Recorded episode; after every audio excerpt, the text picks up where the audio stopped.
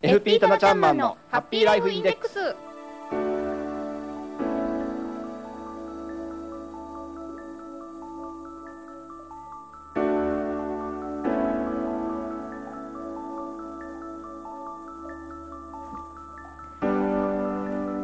タナちゃんマンのハッピーライフインデックス。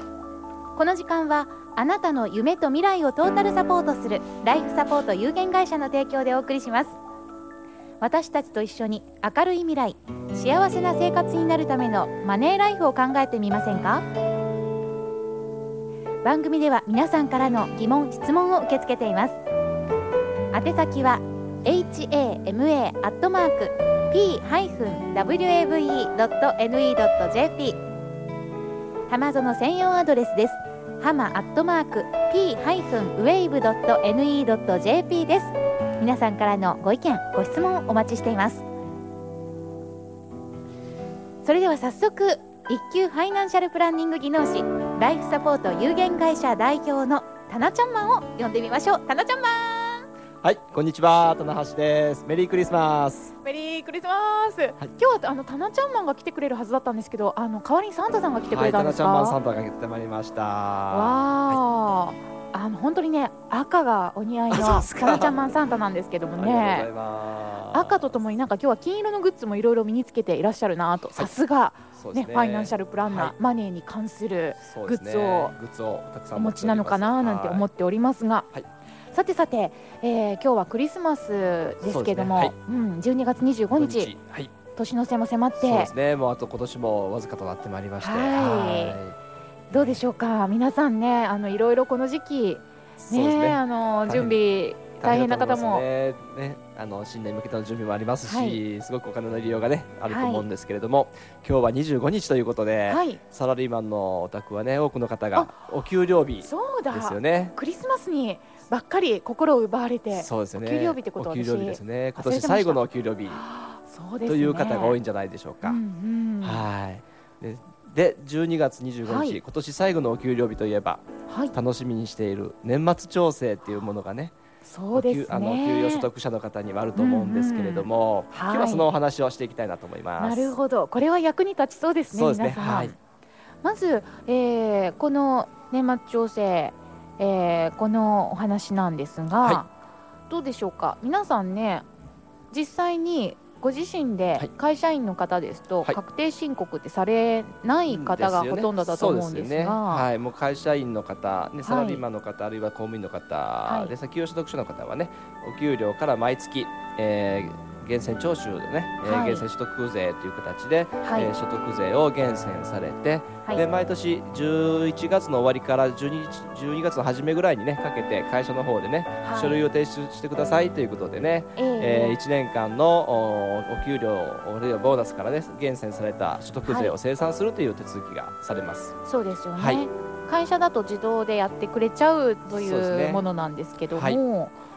ただですね、サラリーマンの方でもですね、えー、確定申告を、はい、まあ、しなくちゃいけないという方もいらっしゃいますし、はい、えー、確定申告もできるというお話なんですけれども。そうなんですか、はい、それはあの特別な何かあの方だけというわけではなくて？ね、はい。あのー、もちろんねしなくちゃいけないという方は特別な方になるんですけれども、はい、例えばの所得の多い方あるいは、ええあ2つ以上の会社からお給料をもらっていらっしゃる方、はですね、はい、あの確定申告という形になるんですけれども、はい、その他にもですね、はい、例えばあの年末調整の会社に提出、えー、書類を提出したんですけれども、あしまったこれを提出つけて提出するの忘れちゃったとかですね、えー、えー、まあ、極端な話書類を出さなかった出さなかった方出し忘れちゃった方年末調整できませんのでそういった方は、あの確定申告をしてですね、はい、えー、税金を、まああの戻していただくとバックしてもらおうと、うん、そうですね、あの還付請求していく手続きができるというふうになってます。そうなんですね。はい。はい。はい、ご自身ではなかなかされない、ね、されてない癖がついてると忘れちゃいがちだと思うんですけれども。そうですね、はい、はい、あとその他にですね例えばあの生命保険だとか、えー、えー、個人年金保険に例えばその会社にねあの書類を提出した後に新しく加入をされた方なんかはですね、この12月分の保険料というのも控除の対象になりますので、当然年末調整にね間に合い間に合いませんでしたのでね、保険会社からも控除証明書というのはあの普段ですとはがきで届くと思うんですけれども、それも届いてないんですが、保険会社に、あの工場証明書を発行してくださいっていうお願いをするとですね、あの郵送で送ってくれますので、それであの確定申告っていうのも可能になってきます。ご自身でそれは保険会社に申請をしないと送られてこないですね。はい、10月現在ぐらい、だいたいもう保険会社と違うんですけれども、だいたい10月ぐらいに保険に加入していた方に、はい、えー、自動的に送られるんですけれどもね、はい、その以降に保険に11月12月に入った方はあの届いてませんのでね、届いてない方がたくさんいらっしゃると思いますのでね、それはあのおっしゃっていただければね、保険会社の方から準備していただきますんでね、それであの確定申告もできます。なるほど。はいはい、あとですね、あの年末調整ではできない控除もあります、はい、これは有名なところなんですけれども、はい、医療費控除ですね、はい、1月から12月までの間に、お医者さんでねかかってそのお医者さんにかかった費用が10万以上だった方、があの控除できますのでこれはあの年末調整でしかできますあごめんなさい、えー、確定申告でしかできませんのでね、はい、あの医療費控除を受けられる方は必ず確定申告を受けていただければあの、はい、税金の還付は受けられますよということになっております。それはあのどんな分野の、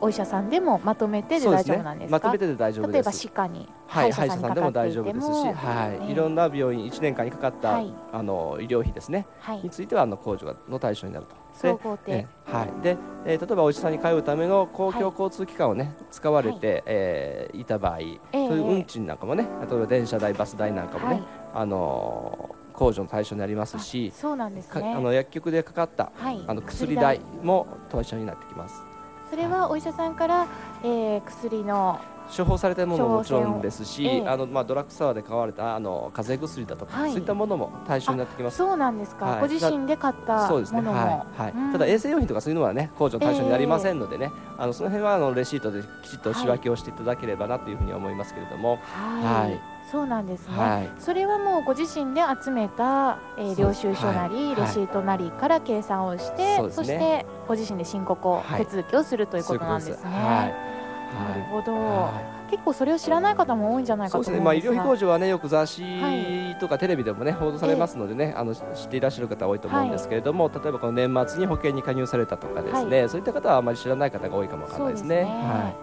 はい、わ、かりました。えー、この年末にやっておかなければいけないことって結構あるんですね。そうですね。うん、はい。その他っていうのは特に気をつけることありませんか？ね、この時期。うん、この時期あとはそうですね特にないと思いますけれどもね。はい、はいかりました、はい、では年末調整の今日のね、ね。あのお給料の明細を見て、きちんと、そうですね。この時期にやっていかなきゃいけないこと、もう一度ポイントを教えてください。はい、えー、年末調整を忘れた方あるいは保険に新しくこの年末に加入された方ですね、はい、えー、来年の確定申告の準備をしておいてくださいということですね。はい、わ、かりました、はい、医療費も含めて確定申告をぜひ皆さんお忘れなく、はい、私もねあの実際自分が会社員ではないので確定申告をしに行くんですけれどもね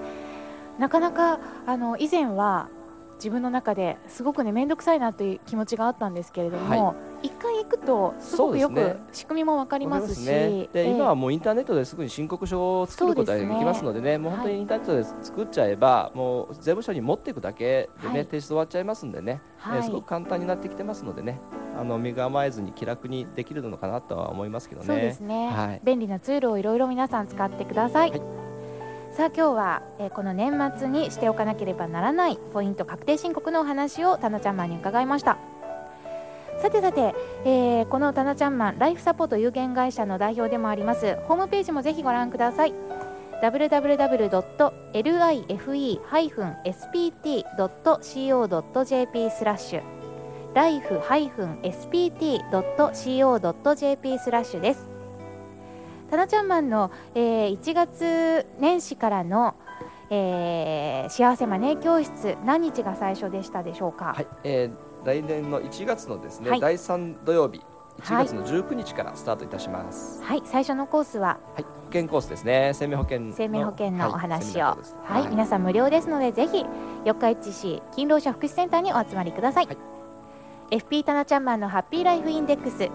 この時間はあなたの夢と未来をトータルサポートするライフやサポート有限会社の提供で浜園サテライトスタジオからお送りしました。また来週、えー、来年お会いしましょう、ね。はい、バイバイ。失礼します。